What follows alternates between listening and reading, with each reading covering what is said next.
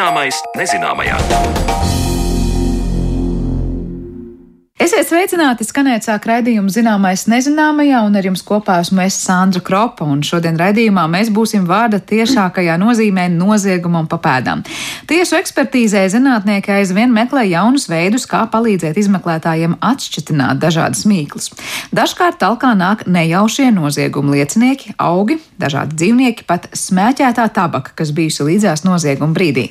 Kā darbojas nehumānā DNS izpēte, par to jau drīz runāsim raidījumā, bet bet pirms tam tuvāk iepazīsim kādu kukaini, kas sācēlus pamatīgu traci Latvijā. Dažus milimetrus maza vabola spēj gāzt egļu audzes. Tā šobrīd ir nopietna problēma meža nozarē. Īpaši labi šis naskais kaitēklis jūtas svaigi cirstās vai vēju nogāztās eglēs un bauda klimata pārmaiņu radītās sekas. Šo mazo kukaini vairāk iepazīt devās Mariona Baltkalni. Pagājušajā gadā nereizi vien publiski izskanējušas ziņas, ka egļu astoņzobumu izgrauzis posta koku audzes, un tas noticis arī aizsargājumā dabas teritorijā. Visticamāk, ar to stāsti par mizgraužiem nebūs beigušies, un ekspertu komandām atkal nāksies pieņemt lēmumus gan par labu koku aizsardzībai, gan dabas daudzveidībai. To pierāda arī pavisam neseni starptautisku pētnieku komandu publicēti zinātniski raksti ar veselu virkni paņēmienu mizgrauža izplatības uzraudzībai un risku novēršanai. Pretrunīgi vērtējamo kukaini, egļu astoņzobumu izgrauzi šoreiz iepazīsim kopā ar Latvijas Universitātes bioloģijas fakultātes lektoru un dabas aizsardzības pārvaldes ekspertu Kristapu Vilku. Pirms ķeramies klāt egļu astoņzobumu izgrauzim, ne tikai lielam grēkāzim, bet kā vēlāk atklāsies arī labvēlim dabai, palūkosimies kopumā uz to, cik sugām bagāta ir izgraužu kategorija plašajā kukaiņu pasaulē un kā izgrauži sadzīvo ar citām kukaiņu sugām. To plašāk atklāja Kristaps Vilks. Latvijā ir, kā nu kurā grāmatā mēs varam skatīties, bet 50 sugas, vairāk vai mazāk 50 dažādas sugas. Nu, no tām ir dažas labi pazīstamas. Egļu astoņzobu izgrauzes uz priedēm pēdējos gados ir arī daudz ir dzirdējuši par priežu galotņu, sešzobu izgrauzi.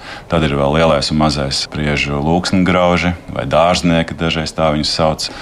Nu, uz bērziem ir piemēram bērnu grēmas grauzes, dažādas koku sugas, dažādas izgraužu sugas. Un tur ir mazās izgraužu sugas, punduru izgrauži, zaru izgrauži, kas dzīvo uz zariņiem maziem. Tad ir tādas izgraužu sugas, kas vairāk stumbra galotnes daļā dzīvo, kur plānāka miza, citas dzīvo tuvāk stumbra resnagalam.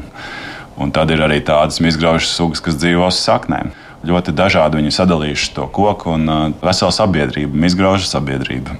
Izgrauži pārtiek vai dzīvo uz koka, tad, kad uh, tas ir tikko atmiris, vai arī dažas sugas spēj arī novājināt tam dzīvam kokam uzbrukt. Tas ir tas pats pirmais gads sākuma periods, un tiešām kokam ir jābūt uh, mizēm. Tas ir tas atslēgas moments. Koksngrauži, piemēram, nāk vēlāk. Tur miza var arī nebūt. Nu, un prālgrauži, piemēram, vēl vēlāk nāk. Tā ir tas, ko mēs saucam par atmiešās koksnes sukcesiju, vai tā ir tāda plūdena pārēja laika gaitā, kas notiek ar to koku mežā. Tur ir iesaistīti ļoti dažādi kukaiņi, un izgrauži ir tie, kas aizsāk procesu. Patiesībā varētu pat teikt, ka aizsāk procesu bieži vien citas lietas, kā stress kokam, novājināts koks kļūst, un tikai tad tiem izgrauži ierodas. Un, nu, viņi seko līdzi jau teiksim, kādam citam iemeslam. Bet, nu, katrā ziņā no kukaiņiem viņi ir pašā sākumā, tiešām tajā brīdī, kamēr kokam ir vēl mīza. Sanāk, ka šīs dažādas kukaiņu grupas ir tā bez rakstiskas vienošanās, tomēr panākušas, kurā brīdī kura iesaistās tajā koka dzīves procesā. Ja? Nu, tā ir. Katrs grib izdzīvot mežā, un vislabāk var izdzīvot, ja ieņem kaut kādu specifisku nišu vai lomu veids, un tad var daudzi sadzīvot kopā. Izrādās, ka par vairākumu izgraužu sugu izplatību mēs neko daudz nezinām. Kristaps Vilks norāda, ka trūkst pētījumu. Mēdz būt arī retas izgraužu sugas, bet egļu astoņzobu izgrauzim dzīvotne ir visā Latvijā. Atšķirībā no, piemēram, koksngraužiem, kas visbiežāk ir lielas vaboles, izgrauži ir sīkas vabolītes, dažus milimetrus garas, un egļu astoņzobu izgrauzis ir viens no lielākajiem. Tā izmērs ir 4 līdz 5,5 mm. Mūsu tikšanās laikā Kristaps Vilks ir sagatavojis mizgraužus apskatēji palielinājumā ar mikroskopu, un tālāk lūdzu ekspertam plašāk paraksturot sugas nosaukuma saistību ar ārējo izskatu. Kur tad slēpjas tie astoņi zobi? Un, ja šī mizgrauža latīniskais nosaukums ir ips tipografus, vai tas nozīmē, ka kukainis ir saistīts ar kādu iespiedu darbu vai rakstu veidošanu? Tā varētu teikt, un par to plašāk sarunas turpinājumā. Egļu astoņzobu izgrauzes. Šajā nosaukumā ir egle, barības augs. Tātad egļu astoņzobu izgrauzes ir saistīts ar egli. Var būt ārkārtējas situācijas, ka viņš ir teiksim, novērots uz priedes, bet tas ir ekstrēms. Tie ir daži varbūt gadījumi, tas nav tipiski sugaini. Tātad, ja mēs runājam par egļu astoņzobu izgrauzi, tas attiecās uz egli, egļu mežos. Otra lieta - astoņi zobi. Tātad astoņi zobu izgrauzes. Tie zobi ir meklējami vabolē uz segas pārniem, uz spārniem, vēdera galā. Un tur ir tādi tiešām mazi zobiņu izliekumi, kas veido tādu vienotu grupu, ko sauc par ķerīti. Un šī ķerīte tiek izmantota, lai izgrauzes varētu izstumt mizas miltus no savām ejām. Tā ir tiešām tāds praktisks pielietojums. Un atkarībā no tā zobiņu skaita spārnu galā, tad ir mums sešu zobu izgrauzes, astoņu zobu izgrauzes, divu zobu. Dažiem nav to zobu, bet nu, nosaukums nāk no šī. Es to tā mēģinu stādīties acu priekšā, ka tas kukainis iet, iet un tā kā tāds mazs buldozers šķūrē ārā iekšā to, ko viņš mēģina apēst. Viņi veido ejas, jā, un, un tīra tās ejas, un tā tad iztumj ārā tos miltus no savas dzīves telpas, no, no tās vietas, kur viņi grauž to mīzu. Jā. Mm. Tas tā varētu būt mazs cīnītis, kas gāž lielu vezumu, vai, kā jau tika tikko teikts, par mazu tādu buldozeriņu. Mīzgrauži pieaugušās vabolas veido, tēviņš veido vairošanās kameru. Tā ir tā vieta, kur izgrauzes nokļūst kokā. Un pēc tam viņam ir viena līdz trīs mātītes, kas grauž mātesējas. Nu, tas ir tas karkas, tā bāze, un tur pie tā mātes ejām tiek izdētas soliņas, un tie kāpuri tie ir tie, kas nu, paņem to koku, ietekmē to koku tieši kāpuri, kāpuru saime, kas tur aug attīstās. Sākumā ir tā, ka kukaiņi ēd tieši to mizas kārtiņu, tur, kur vairāk barības vielu ir. Koksnē nē, tas saistīts ar kukaiņu kremošanas sistēmu, tur ir fermenti un tā tālāk, un celuloze tā uzreiz nevar lielākā daļa no viņiem paņemt. Nu, lūk, un tad kāpriņi veido savas kāpurējas, un tas viss izveido tādu kā izgraužu saimes to zīmējumu, pēc kuras, starp citu, var pateikt, kas tās par sugām ir. Nav nepieciešams uh, ieraudzīt pašas vaboles vai kāpurus, arī pēc zīmējumiem mežā, pēc šīm eju sistēmām uz kokiem var pateikt, kas tur ir dzīvojis. Jā. Bet tie ir kāpuri. -hmm. nu, redz, sasaistē ar to, ko minēja nu pat mazs cinīts gāž lielu vezumu, vai kopumā uz egļu astoņzobumu izgrauzi un citām izgraužu sugām mēs lūkojamies kā uz tādiem kaitniekiem. Protams, ka kukaiņiem ir sava vieta ekoloģijā, bet, piemēram, ja tas iet sasaistē ar cilvēku pasauli, vai mēs tos kopumā redzam kā tādus kaitēkļus? Jā, es nebaidos no šī vārda - kaitēklis. Tas ir viens no ekonomiski nozīmīgākajiem kukaiņiem Latvijā. Meža jomā pilnīgi noteikti. Es varu runāt vairāk, un es gribu uzsvērt to eļļu astoņzobu izgraužā ekoloģisko lomu. Un tā ir tāda paradigmas maiņa Eiropā. Mēs aizvien vairāk runājam par to, ka jā, egļu astoņzobu izgrauzes ir kaitēklis, bet viņš ir arī, varam to nosaukt par dabas inženieri mežā. Viņš veido to mežu, to dzīves telpu daudzām citām sugām. Viņš veido atmiršo koksni, un katra mežā 4. un 5. suga, kas ir mežā sastopama, tiešām dzīvo uz atmiršās koksnes. Protams, tas ir ne tikai egle, bet ir arī citas koku sugas. Otra lieta, ko egļu astoņzobu izgrauzes dara mežā, viņš veido gaismu. Tad veidojās tie atvērumi. Nu, ja ir mistrota priežu egļu audze, tad eglis aiziet un paliek saules vairāk apspīdētas priedes.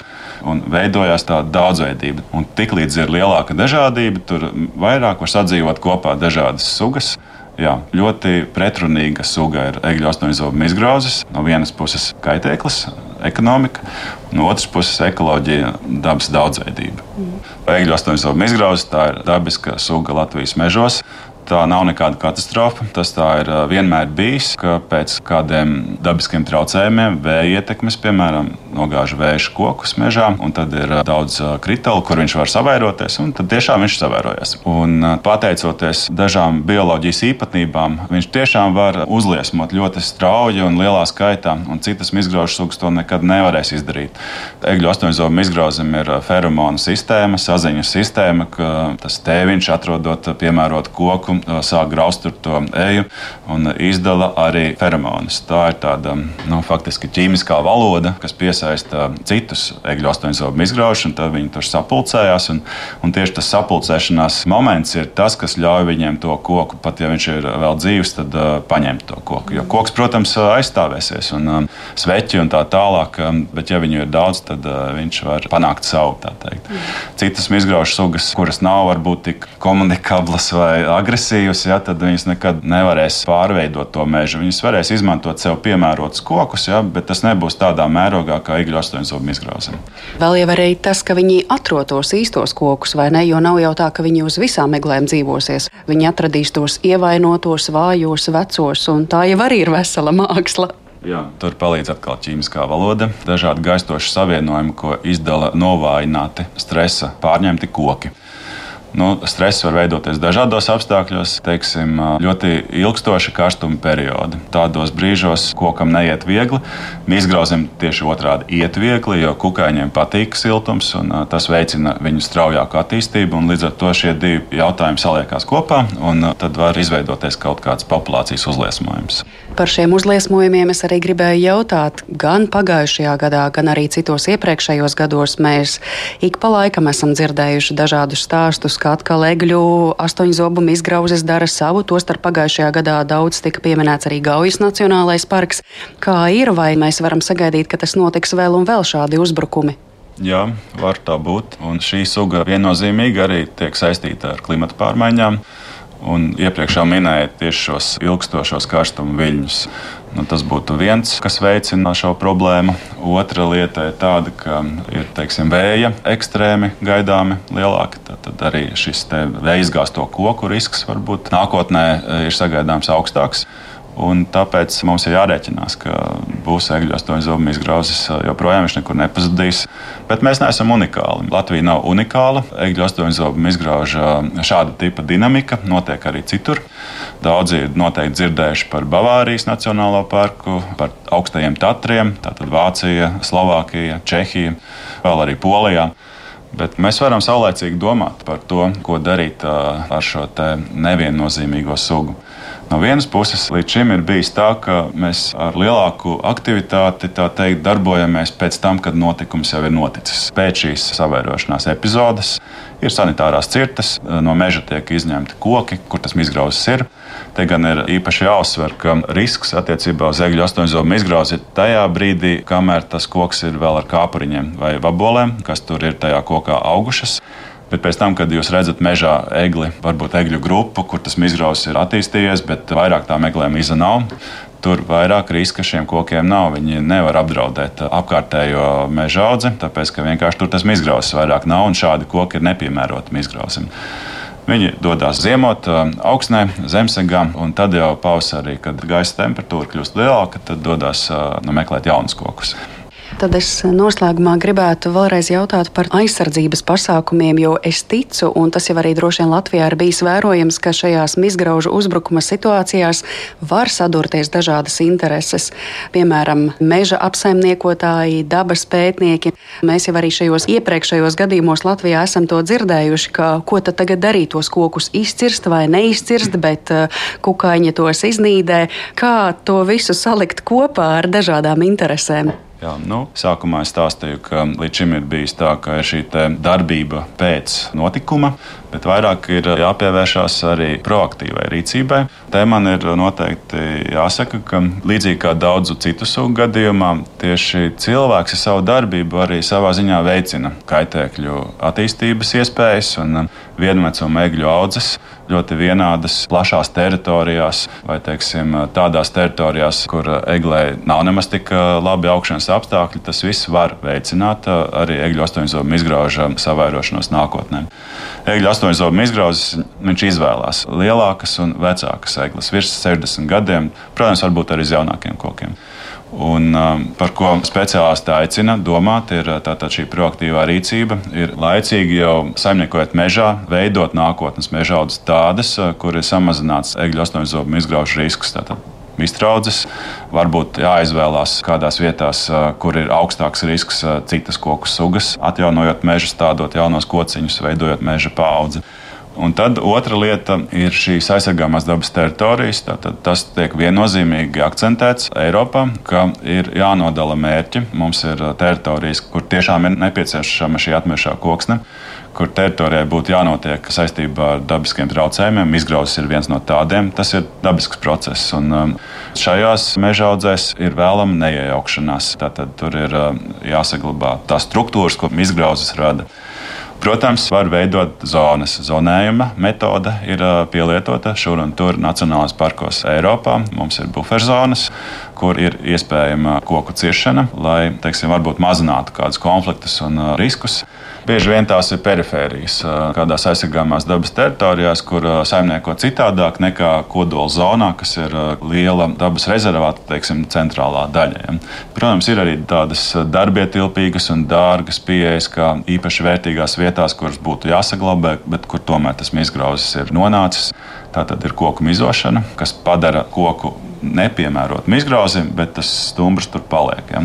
Bet nu, tā tad dažādi mērķi dažādām vietām, un mums tiešām jāņem vērā to, ka ir nepieciešams gan rūpēties par dabas daudzveidību, gan arī meža īpašnieku apsaimniekotāju interesēm saistībā ar šo koksni kā resursu. Gaujas Nacionālajā parkā ir tā ir tāda problēma vieta šajā kontekstā, un tur 2020. gadā tika grozīts Gaujas Nacionālajā parka likums Un Gaujas Nacionālajā parkā var sanitārijā cirtē cirst kokus, ja ir šī kaitēkļa masveida savairošanās. Izņemot uh, gadījumus, ja tas ir noticis aizsargājumos biotopos sugu dzīvotnēs. Jā. Protams, ir nepieciešams eksperta atzinums un sanitārais atzinums, bet tas ir tāds risinājums, ir pieņemts uh, attiecībā tieši uz Gaujas Nacionālo parku. Paldies Marionai Baltkalnē par stāstu. Tuvāk iepazinām bēdīgi slaveno mežu kaitēkli, astoņu zobu egļu izgrauzi, bet par kukaiņiem, augu atliekām un citiem klusiem lieciniekiem noziegumu vietās saruna pēc brīža.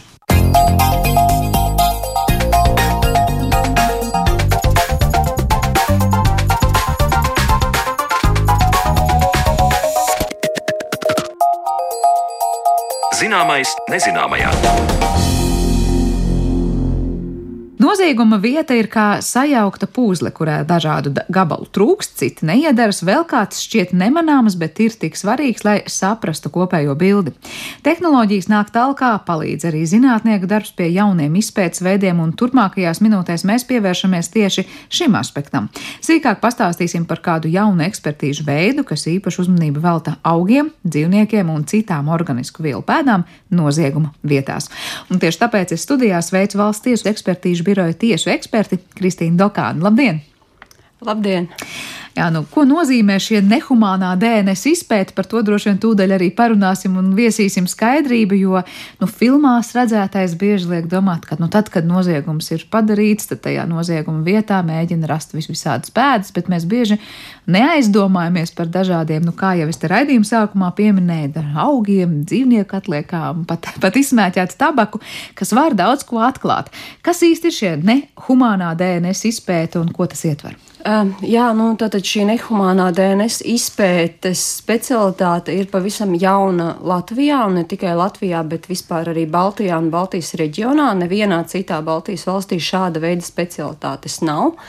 Uh, un uh, arī es pati esmu pirmais tātad, tiesu eksperts topošais šajā specialitātē. Un šajā specialitātē mēs uh, saskaramies ar daudz un dažādiem izpētes objektiem, bet uh, tātad Pirmkārt, tie var būt uh, augu izcelsmes objekti, uh, mazāk veseli augi, bet uh, vairāk tās būs dažādas augu daļiņas, fragmenti no lapām, stumbri, saknes.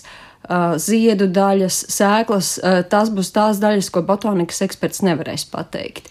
Un līdzīgi tāpat arī kā izpētes objekts mums var būt arī daļas no dzīvniekiem, respektīvi asinis, siekalas, dzīvnieku mati, orgāni, mīkstie audi un tam līdzīgi. Un visbeidzot, tātad mēs varam skatīties arī sēnes. Nu, tiesu ekspertīzē policijai noteikti nozīmīgāk ir tieši psihoaktīvās sēnes. Bet eh, kā tas izskatās, nu, tādu piemēru, ja mēs iedomājamies, tāds, es nezinu, kas jūsu praksē ir tāds tipisks noziegums vai nozieguma vieta, kurā varētu būt šie kāds no pieminētajiem uh, aspektiem. Nu, piemēram, es nezinu, koku zariņu vai liepu lapas, tagad, kas ir kaut kur nokritušas rudenī, ja, nu, piemēram, un tad ir no, izdarīts noziegums, bet liekas, nu, liepu lapas var būt gan šim kokam, gan citai liepai kilometru attālumā un vēl 5 km attālumā. Um, jā, tieši tā. Uh, un uh, raugoties tīri tehniski, tas, ko mēs varam izdarīt, uh, dalās patiesībā divos tādos metožu blokos. Viens ir sugas identifikācija, kas ir arī pats vienkāršākais. Un tas atkal var būt noderīgs tieši tad, kad mēs runājam par fragmentiem. Uh, Uh, un otrs ir tieši konkrēta sugas individu identifikācija. Un tas ir attiecināms atkal ne tikai uz dzīvniekiem, kā mēs to varētu kā cilvēki iedomāties, bet tas ir attiecināms arī uz augiem. Uh, piemēram, uh, tiesu ekspertīzē ir ļoti labi zināmi gadījumi no ārzemju pieredzes, eh, kad ir bijušas lietas, kad, piemēram, augu daļas eh, ir palīdzējušas eh, pierādīt to, ka konkrētā aizdomās turamā persona ir atradusies notikuma vietā. Šāds piemērs ir Vācijā, kad uz to norādīja ozola lapas, kas tika atrastas autobagāžniekā. Un tad, tad jā, un izdevās pierādīt to, ka šīs lapas ir tieši no konkrētā meža, no konkrētās vietas. Tad var pierādīt konkrēto lapu izcelsmi pie konkrētā koka, nevis Jā. vienkārši ozoli kā tādi. Jā. Kā to ir iespējams panākt? Tā ir kāda īpaša metode, tehnika, iekārta, kas tur analizēs to DNS. Nu, tad lapai, lai gan liekas, no ko atšķirsies tas DNS, uh, ozola lapai no vienas audzes un otras audzes. Uh, Tas ir tā saucamās marķieru sistēmas. Tas notiek tieši tāpat, kā mēs to jau, es nezinu, gadus 30 gandrīz uh, darām ar cilvēka DNS. Uh, tikai uh, attiecībā uz augiem un dzīvniekiem ir tā nu, nosacīta problēma, ka tās ir daudz sugas. Un katru reizi, kad mēs saskaramies ar jaunu sugu, mums ir jādomā par jaunu marķieru sistēmu, jo tā sistēma laboratorijā ir jāizstrādā. Tas ir milzīgs darbs, tie ir finanšu ieguldījumi. Līdz ar to ir jāizvērtē, vai tas ir liederīgi konkrētā krimināla procesa ietvaros. Bet tādiem vienkāršiem vārdiem tas nozīmē, ka jūs meklējat to atšķirīgo tajā visā DNS, kas lielās līnijās būs līdzīgs. Um, nosacīti, jā. Jā, nu mēs varam pateikt, principā, varbūtību kaut kādu, ka šī lapa ir no tā koka. Jā, tas tiešām liekas, prātam, neaptverami vēl jau vairāk no lapas fragmenta. Es pieņemu, vai ne? Kad, kā tas notiek? Jums tur paņems kaut kāds labs fragments, un pēc tam īpaši apstrādāts un kaut kā sagatavots. Un, ne, es nezinu, cik daudz drīkst atklāt par šo, par šo pašu procesu. Procesā nav nekāda komerciālā noslēpuma. Tad, tad mums tiek, piemēram, iesniegtas lapas uz izpēti. Un, vispirms jau kolēģi apskatīsies botānikas eksperts, kas tās ir par lapām, ja tas būs iespējams. Un tālāk jau mēs veicam DNS izdalīšanu, kas notiek ar, ar, ar speciāliem reaģentiem. Tad no šī izdalītā DNS tiek veikta polimerās ķēdes reakcija, kas ir speciāls ķīmisks process. Uh, un tad uh, notiek vairāki attīrīšanas procesi, lai atbrīvotos no ķimikālijām. Tad mēs liekam uz ģenētiskā analizatora un, un skatāmies, ko mēs esam ieguvuši. Tā kā lielās līnijās, līdzīgi kā pēta cilvēku genomu vai ko citu, tad iekārts laikam Daudz neatšķiras. Jā. Jūs teicāt, ka tas līdz šim Baltijā tad arī patiesībā netika izplatīta lieta, un šobrīd var teikt, esam pirmrindnieki. Vai līdz šim vispār tas nav noticis, vai tā ir lieta, ko nevarējām ne mācīties, ne iegūt tehnoloģijas, lai likt lietā? Šī specialitāte nav tiesu ekspertīzē. Nav tā, ka zinātniskās laboratorijas nestrādā. Uh, līdz ar to iespējams, ka atsevišķos gadījumos izmeklētāji vai varbūt arī muitas darbinieki vēršās pie zinātniskiem institūtiem. Bet ir jāatzīmē tas, ka uz tiesu ekspertiem un mūsu specialitātēm atšķirās mazliet citas prasības un stingrāka metožu validācija var būt. Un, un, un tāpēc teiksim, mēs varbūt nu, esam atbildīgāki par to, ko mēs izdodam ārā. Un, un Baltijā es Nezinu, kāpēc ir sanācis tā, ka šis te nav attīstījies. Nu, citur rietumē Eiropā tā jau ir diezgan tāda plaši izmantota praksa, izmantot uh, necilvēka DNS. Vai? Tā kā līdz šim tas varbūt notika, bet retākos gadījumos. Jā, jā. un tad sadarbībā konkrēti ar zinātniekiem. Šobrīd tā ir īpaši aplīkot laboratorija, kas ir arī jūsu pašu centrā, birojā vai kā? Jā, jā, jā. tātad mēs pirms pavisam um, īsa laika, pirms pāris gadiem, beidzot varējām atklāt šo laboratoriju. Tas bija ļoti liels Herkules projekts, kur ietveros mēs to izveidojām, iepērkot pilnīgi visas iekārtas, reaģentus un materiālus. Un tad šobrīd mēs strādājam tieši pie metožu ieviešanas. Cik daudz darba patiesībā jums ir? Jo es iedomājos, vai nu kādi noziegumi nonāk tajā kategorijā, kur ir jāsavās lūk šāda veida materiāls, un tas pēc tam jāanalizē, un cik liels apjoms tas ir Vai tas tā retu reizi notiek? Šobrīd to ir grūti pateikt, jo tā kā mēs strādājam pie metožu ieviešanas, tas prasa arī zināmu darbu arī no kvalitātes vadības puses. Un, Tā kā metodas nav ieviestas un apstiprināts, līdz ar to mēs šobrīd nestrādājam tieši ar mūsu klientiem. Turklāt tas, cik daudz ekspertīzes mums nāks pēc tam, tas ir atkarīgs no mūsu darba ar klientu. Tas, cik ļoti mēs viņu apmācām, cik daudz mēs skaidrojam, ko mēs varam. Bet kādi ir tie noziegumi, kuros, piemēram, nu, vajadzētu šādu ekspertīzi, vai tie ir pilnīgi jebkas, kas notiek, nu, labi, zādzībai droši vien mazāk, lai gan es nezinu, nu, droši vien visādi var būt, ja kurš kurā vietā ir bijis nozieguma vietā. Varbūt ilustrējiet to, to ainu, kur tas pielietojams. Tas ir pielietojams ļoti daudz, kur tātad, kā es uh, jau minēju, tad, tad uh, var būt sugas identifikācija, un tas skar uh, visas aizsargājumās, apdraudētās augu dzīvnieku sugas, kas ir iekļautas arī citas sarakstos, uh, kas nozīmē, ka tātad, tas ir darbs ar muitu, tas ir šo te sugu imports neatļauts. Uh, Tā var būt kontrabanda. Mēs esam liela ne, nelegālās tabakas tranzīta valsts. Līdz ar to arī šajos gadījumos šis necilvēka DNS var tikt izmantots. Tās ir malu medniecība, malu zvejniecība, kuģa satura noteikšana. Un, ja mēs raugamies atkal uz otru metodisko pieeju, kas ir individa identifikācija, tad tas ir izmantojams arī, piemēram, ceļu satiksmes negadījumu izpētē. Tāpat arī tajā pašā malu medniecībā, ja ir nepieciešams pierādīt, ka, nu, teiksim, gaļa leduskapī sakrīt ar asinīm vai, vai, vai, vai, vai citām lietām, kas ir atrastas mežā. Uh, un tas ir izmantojams arī vardarbībā pret dzīvniekiem. Tas ir izmantojams uh, gadījumos, kad ir notikuši suņu uzbrukumi, lai varētu identificēt konkrēto suni, ja, piemēram, suņu saimnieks noliedz šo faktu. Uh, Um, tāpat tas ir izmantojams arī daudz, manuprāt, nozīmīgākos uh, krimināla noziegumos, tīri jau ar kriminālistisku pieeju, kad mēs varam norādīt uz to, ka starp divām personām ir noticis uh, kontakts vai ka kon konkrēta persona ir atradusies konkrētā vietā. Un, un šajā gadījumā liels palīgs ir mūsu pašu mājdzīvnieki, jo mēs viņus nesējam līdzi. Tad, ja mums ir suns, tad viņa mati ir uz mums, un ja mums ir kontakts ar citu personu, mēs šos matus nododam, un ar to jau var pierādīt, tad, ka kontakts ir noticis. Tad var teikt, pat ja mums liekas, ka mēs esam notīrījuši savu apģērbu no suņa vai kaķa spalvām, eh, mums nemanot kaut kāda daļiņa no tām spalvām var tikt nodota cilvēkam, ja mēs tur tiešām fiziski satiekam to otru jā, cilvēku. Jā. Un pēc tam, pēc tās vienas spalvas, kaut vai ar to pietiks, lai identificētu, kurš māja dzīvnieks? Um, atkarīgs no tā, cik tā spalva varbūt mats uh, ir. Uh, bijusi, vai matam ir sakne, jo mēs DNS pamatā varam izdalīt tieši no matu saknes, kur tā ir vairāk.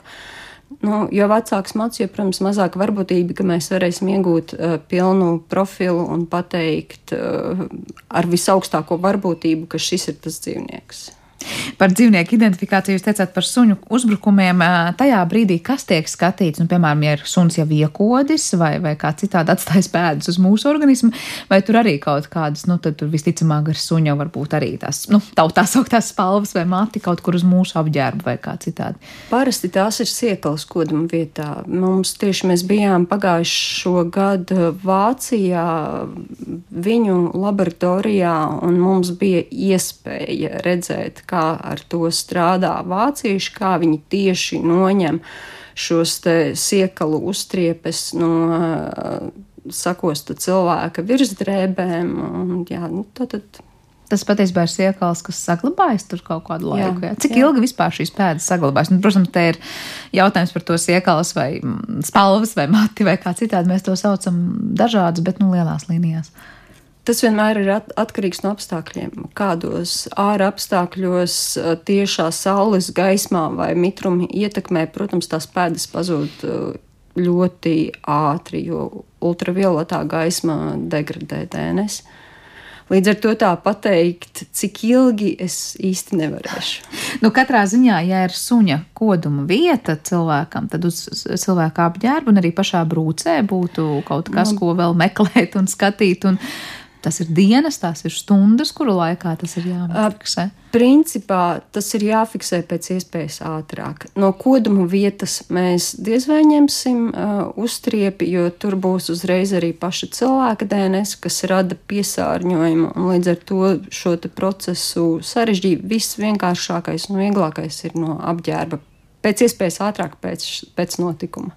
Kādi ir tie lielākie ierobežojumi vai izaicinājumi, nu, gan ņemot šos paraugus, gan arī, nezinu, dzenot pēdas tiešām noziegumam pēc šādām nehumānām liecībām? Uh, es pieņemu, ka izmeklētāji droši vien mm, biogrāfijās ir ļoti daudz ko stāstīt par to, kāda ir bijuši mēģinājumi slēpt pēdas, un es nezinu, cik daudz par to atkal publiski tiek un, un var tikt runāts. Uh, jā, sāksim ar tiem izaicinājumiem, kas ir pats grūtākais. Nu, grūtākais noteikti ir līdz galam ekspertam uh, izprast metodas robežas patiesībā un arī izvērtēt to, vai konkrētajā gadījumā mēs tiešām varēsim vispār kaut kā izmeklētājiem palīdzēt. Nevienmēr tas ir iespējams. Un, piemēram, ja tā ir sugas identifikācija, tad ir gadījumi, kad mēs arī konkrētu sugu nevaram pateikt. Uh, ar tādām universālām metodēm. Eh, piemēram, eh, izmantojot universālās sistēmas, mēs nevaram atšķirt alni no brieža un stirnas. Viņi visi ir ļoti līdzīgi ģenētiski, bet var izmantot, protams, specifiskas pieejas. Tas visu laiku ir darbs un metožu attīstība. Nu, protams, tāda detalizācijas pakāpe būtu, ja tad, tad tas pirmais Jā. izaicinājums. Kā ar to laiku, kurā paspēt, kad jau ir noteikti par vēlu paņemt kādu paraugu, vai kad kāds pie jums vēršas un, nezinu, ar lūgumu pateikt, vai gaļa leduskapī ir tā pati, kas ir nozieguma vietā kaut kur. Nu, gaļa leduskapī noteikti saglabāsies pietiekami ilgi, un mēs arī pietiekami ilgi spēsim no tā kaut kādu rezultātu dabūt ārā. Uh, savukārt, tas, kas būs atrasts mežā, nu, jā, nu, tajā brīdī, kad lietas sāk sadalīties, degradēties, um, tur sāk parādīties mikroorganismu klātbūtne, un tas DNS uh, tiek arī degradēts. Līdz ar to tas, tas, tas ir tas brīdis, tiklīdz mēs redzam, ka iesniegtais izpētes objekts ir sācis bojāties, var būt problemātiski ar to strādāt. Kā ir ar tām uh, situācijām, kad, nu, pieņemsim, es nezinu, atkal uzbūrt tādu vairāk filmāts redzētu ainu, pa, nu, izdarījis noziegums kaut kur, bet tā vieta ir tāda, kur pēc tam, es nezinu, pārvietojas daudz cilvēku, vēl kaut kas notiek. Cik ļoti lielā mērā pēc tam vispār tiesu ekspertiem ir iespēja tikt pie kaut kādas informācijas, zinot, ka, vienmēr, piemēram, tā ir iela, pa kuru ir gājuši daudz cilvēku, dažādi soļi. Mm. Jūs tur vēl varat kaut ko atrast. Mm. Man ir grūti iedomāties tādu noziegumu. Uh, un, uh, turklāt mēs arī paši uh, uz šīm nozieguma vietām nebraucam. To dara uh, policijas darbinieki, un mēs jau strādājam tikai ar to, ko mums iesniedz. Un, un dažreiz mēs pat varam nezināt, kas tur kas ir noticis. Ir, jā. jā, cik ļoti lielā mērā ir tā nu, nezinu, sajūta par to kopainu, tad, kad strādā tiesu eksperts, par ko tas ir, no kurienes tas ir, kas ir izdarīts, vai tas ir tā kā nezinu, nodotas analīzes laboratorijā, kur tie, kas strādā, tie strādā tikai ar svītru kodu un cipariem? Um, nē, mums ir līdzi informācija no izmeklētāja, bet tas ir ļoti atkarīgs uh, no paša izmeklētāja, to, cik daudz un kādu informāciju viņš sniedz. Uh, turklāt, uh, attiecībā uz to informāciju vispār tiesu ekspertīzē ir tāds dalīts viedoklis, jo dažreiz šī informācija mums var palīdzēt. Uh, Piemēram, ja izmeklētājiem ir aizdomas, ka, piemēram, auto ir notikusi sadursmē ar, ar, ar briedi, tad man ir skaidrs, ka es jau varu izslēgt iespējams citus dzīvniekus, analizējot šo DNS, bet uh, atsevišķos gadījumos tas var radīt arī tādu zināmu eksperta noslēdz uz to. Tad, tad mums ir iesniegta jau tāda informācija, un mēs jau to domu paturam prātā, un līdz ar to varbūt varam dot, nu, es negribu teikt, kļūdainu atzinumu, bet uh, netik vispārīgu. Nu, Protams, jūs jau meklējat to, kas jums tā kā ir jā, pateikts, kas varētu tā. būt bijis. Ir vēl kādi piemēri, kas no prakses vai no kolēģa prakses nāk prātā, kur mēs varam teikt, ka ir ļoti, ļoti grūti pašam tam tieši ekspertam nu, saglabāt kaut kādu vai neutralitāti ir īstais vārds, bet tiešām tādu, ka nu, neiet jau tajā pavadā, kas liekas, es jau zinu, kam tur ir jābūt. Es zinu to, ka ir kolēģiem bieži tādi ļoti grūti gadījumi, kad vienkārši ir emocionāli grūti uh, analizēt iesniegtos materiālus, bet tā, ka es zinu, Nu, man liekas, ka katrs gadījums ir ļoti atšķirīgs un, un vienmēr ir iemesls padomāt un, un, un, un, un apsvērt vairākus variantus. Vai ir kāds nu, nezinu, šis dabas elements, kas liekas varbūt vis tāds eksotiskākais pašai vai, vai neierastākais, nu, kur vispār tās pēdas var saglabāties? Jo mēs te piesaucām gan koku lapas un zariņus, gan, gan protams, dzīvnieku klātbūtnes liecības, vai ir kaut kas tāds, kas pašai liekas kādreiz, nu, kur tad tur var kaut ko atšķetināt pēc tam? Nu, patiesībā, jebkas īstenībā, pat tad, ja izdodas izdalīt DNS no pavisam neliela lapas fragmenta, jau tas pat ir tāds ļoti patīkams tāds pārsteigums. Jo izdalīt DNS no svaigas, zaļas lapas, tā nav liela māksla. Uh, Vissaržģītākais eksperta darbā ir tieši tas, ka tas izpētes objekts var būt ļoti specifisks. Uh, Un uh, mēs nekad nevaram zināt, uh, tieši strādājot ar DNS, iznāks izdalīt vai neiznāks. Un, ja neiznāk, tad var teikt, tad ir gājis bojā arī tas, nu, nezinu, elements, no kura mēģināt. Nu, piemēram, no nozieguma vietas ir kaut kāds labs fragments, vecs, tas tiek iedots ekspertam izdalīt DNS un nesanāca. Tas nozīmē, Jā. ka pēc tam vispār nav pie kā pieķerties. Nu, ar to ir jārēķinās, diemžēl. Jā, diezgan tāds nervu skutinošs darbs. Vai ir sanācis pārliecināties par to, ka ir cilvēki mēģinājuši slēpt dažādas pēdas, un tad vairs savukārt šāda nehumānā DNS izpēta var palīdzēt patiesībā pārtvert to kādu mēģinājumu? Nu, mēs šobrīd birojā ar šo ne, nehumāno DNS vēl pagaidām ekspertīzes neveicam. Uh, Nīderlandes kolēģu pieredzē gadījumus analizējot kuģa saturu, tad, tad bija doma, ka tur ir rozmarīna lapas, bet izrādījās, ka tās bija parastās vai ogu īves lapas, kas ir indīgs augs. Un tas savukārt mainīja visu to kopainu par noziegumu? Um, vai...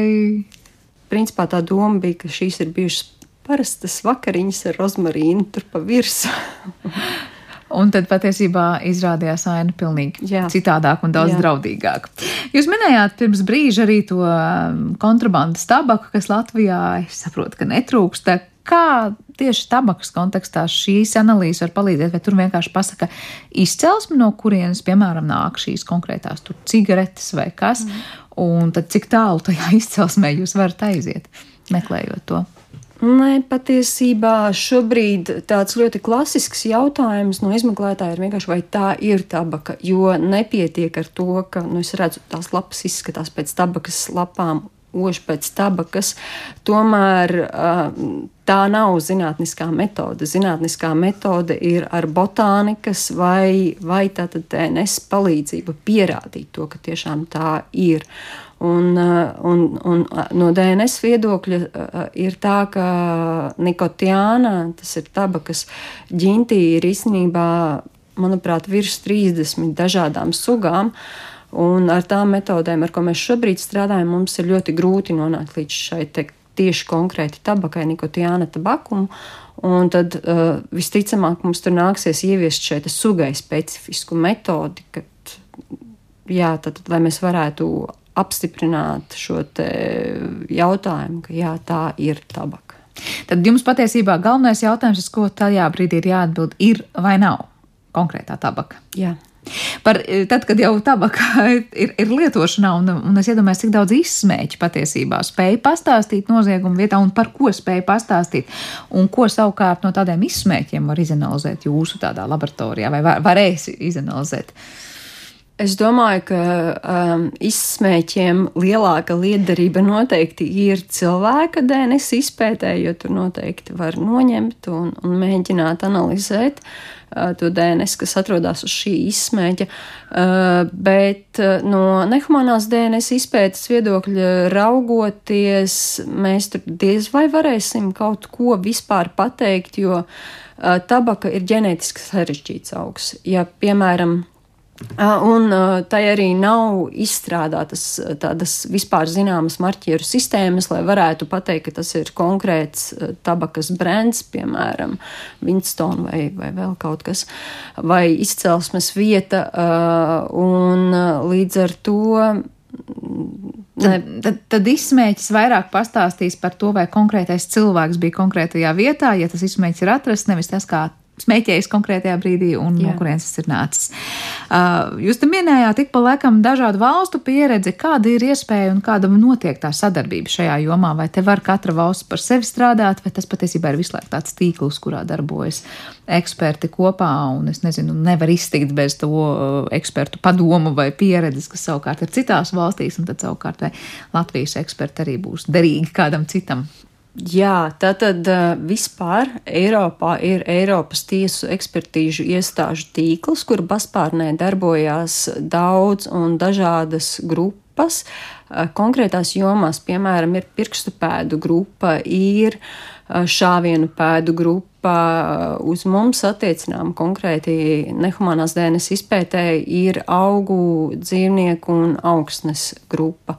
Un grupas ietvaros mēs, protams, organizējam arī dažādus apmācības braucienus. Mēs paši esam braukuši uh, uz divām Vācijas tiesu ekspertīžu laboratorijām un arī uz Nīderlandes tiesu, ekspertīžu institūtu, kas principā ir ļoti augstas klases iestāde, patiesībā labākie Eiropā. Un, jā, notiek arī sadarbība, izstrādājot metodes, notiek arī tāda ikdienišķa apmaiņa ar ēpastiem, teiksim, ēpasts uz Vāciju, tāpēc, ka man kaut kas nesanāk, vai ar jautājumu, vai viņiem ir pieredze, vai viņi var kaut ko ieteikt. Un tad pēc kaut kāda brīža nāk atbilde, ka jā, pieredze ir, dariet tā. Bet tās metodas, var teikt, visā Eiropā būtu plus mīnus vienādas, lai nav tā, ka varbūt kāds analizē kaut ko šeit pēc vienas metodoloģijas, tur Lietuvā pēc citas, vai, vai kur citur vēl pēc citas. Un sanāk, tam, ka tie dati nav salīdzināmi kaut vai tajā, nu, ja ir jābūt salīdzināmam, es nezinu, vai tā ir tabaka vai tā nav tabaka Vācijā un Latvijā. Nu, tas mērķis grupās patiesībā ir arī panākt to, lai mēs strādātu pēc vienotas sistēmas, lai nav tā, ka katra valsts, katras valsts eksperti darbojās pa savam. Turklāt grupu ietveros tiek izstrādātas arī vadlīnijas konkrētām izpētēm, Teiksim, ja ir sugas identifikācija, tad mūsu grupas ietvaros vadlīnijās mums ir rakstīts, kuri ir ieteicamie marķieri dzīvnieku identifikācijai un kuri marķieri ir izmantojami augu identifikācijai. Nu, tālāk tas, ko mēs izvēlamies, protams, ir atkarīgs no mums pašiem. Kādam ir jābūt cilvēkam visbeidzot, lai ar to visu strādātu, jo dažkārt klausoties liekas, nu daudz neatšķiras, kā jūs teicāt, kā DNS strādā, piemēram, tur molekulārās ģenētikas laboratorijā kāds vai, vai kāds, kurš strādā ar genomu izpēti vai, vai ko citādi, vai tie ir kādi, nu, ar bioloģiju saistīti cilvēki, vai tie ir ķīmiķi, vai tie ir vispār ar, ar, ar um, kriminoloģiju un kriminālistiku un, un tieši atkal no, nozari saistīti cilvēki. Attiecībā uz nehumānās DNS izpēti es teiktu, ka cilvēkam pilnīgi noteikti ir jābūt ar biologa izglītību, jo kaut vai tik vienkārša lieta kā sugas identifikācija no sevis prasa izpratni par to, kas ir suga, kas vispār ir bioloģiskā taksonomija, kādi ir taksonomiskie līmeņi. Izpratni par starpsugu hibrīdiem, par to, kas ir vēl pasugas un, un tā tālāk. Kā botāniķim arī ir vieta tiesu ekspertīzē. Jā? Pilnīgi noteikti. Bet atšķirsies tie cilvēki, kas šobrīd, piemēram, strādā šo nehumāno DNS izpēti no tiem, kas kolēģi strādās ar humāno DNS izpēti, proti, kāds, kas analizēs, nu tad cilvēka tur ciekalu paraugu uz izsmēķi un kāds, kas meklēs savukārt tur suņa koduma gadījumā kaut kādas citas lietas. Vai tur ir tie paši eksperti, kas var vienlīdz labi darīt abas lietas? Mēs varbūt nebūtu tas labākais, ko varētu paņemt cilvēka DNS izpētes eksperti, jo viņiem atkal ir citas prasības. Mums būtu speciāli jāapmāca. Uh, bet eksperts, kurš strādā ar cilvēka DNS, es domāju, ka noteikti varētu nākt un darboties arī nehumānās DNS izpētes jomā. Bet savukārt tie, kas ievāc šos paraugus notikumu vietās, tie ir cilvēki, kas uh, pēc tam neveic šo izpēti un ar to nav saistīti cik lielā mērā tur ir tā sadarbība un izpratne katram par otra darbu. Nu, proti, vai ir tādi gadījumi, kad ir ievākts materiāls neatbilstoši tam, ko pēc tam ar to var darīt tie, kas pētīs to DNS, vai ir, vai ir zināšanas par to, kas notiks un kā notiks tālāk ar to materiālu. Jā, nu, tas ir tiešām sadarbības jautājums par to, vai mēs esam izstāstījuši saviem kolēģiem, kas ir izmeklētāji un darbojās notikumu vietās, par to, ko mēs no viņiem sagaidām. Uh, bet, protams, uh, manuprāt, uh, šāda skaidrošana un apmācības ir jāorganizē pietiekami ilgi uh, un, un, un bieži, jo ir jāņem vērā, ka šie cilvēki nav ar biologu izglītību un nevar prasīt, lai viņu zināšanas būtu tādas pašas kā mūsu zināšanas. Līdz ar to ir vienkārši jāstrādā un jāskaidro. Un es domāju, ka tas arī tad, uh, palielinās to iespēju, ka iesniegtais materiāls ir derīgs izpētē. Tā kā komunikācija neviens nav atcēlis, un tā vēl joprojām ir jāuzlabo un vienmēr nāk par labu tikai to uzlabot. Bet tas, ko noteikti sadzirdēju arī jūs pēdējās šajās atbildēs, ka mums ļoti bieži liekas, ka tie paši piesauktie botāniķi bioloģiķi, tur zoologi varbūt darbojas, un tādā ļoti nišas varbūt pat, pat lietā, tur laboratorijās, lai pētītu augus un to, kas ar tiem notiek, vai dzīvniekus. Patiesībā tas lokus, kurā darboties, ir ļoti, ļoti plašs un pat neapjausts. Nu, ko es vēlēšu veiksmi jaunajā laboratorijā, lai izdodas tiešām veiksmīgi atbildēt uz visiem noslēpumainiem jautājumiem. Un, doties tam noziegumam pa pēdām ar tiešām ļoti, ļoti derīgām atziņām. Un paldies par šo sarunu. Es teikšu Kristīnai Dokānai, kas ir valsts tiesa ekspertīžu biroja tiesu eksperte.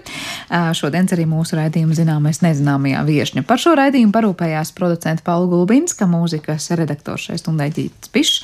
Ar jums kopā bija Sandra Kropa, un mēs tiekamies jau pavisam drīz. Visu labu!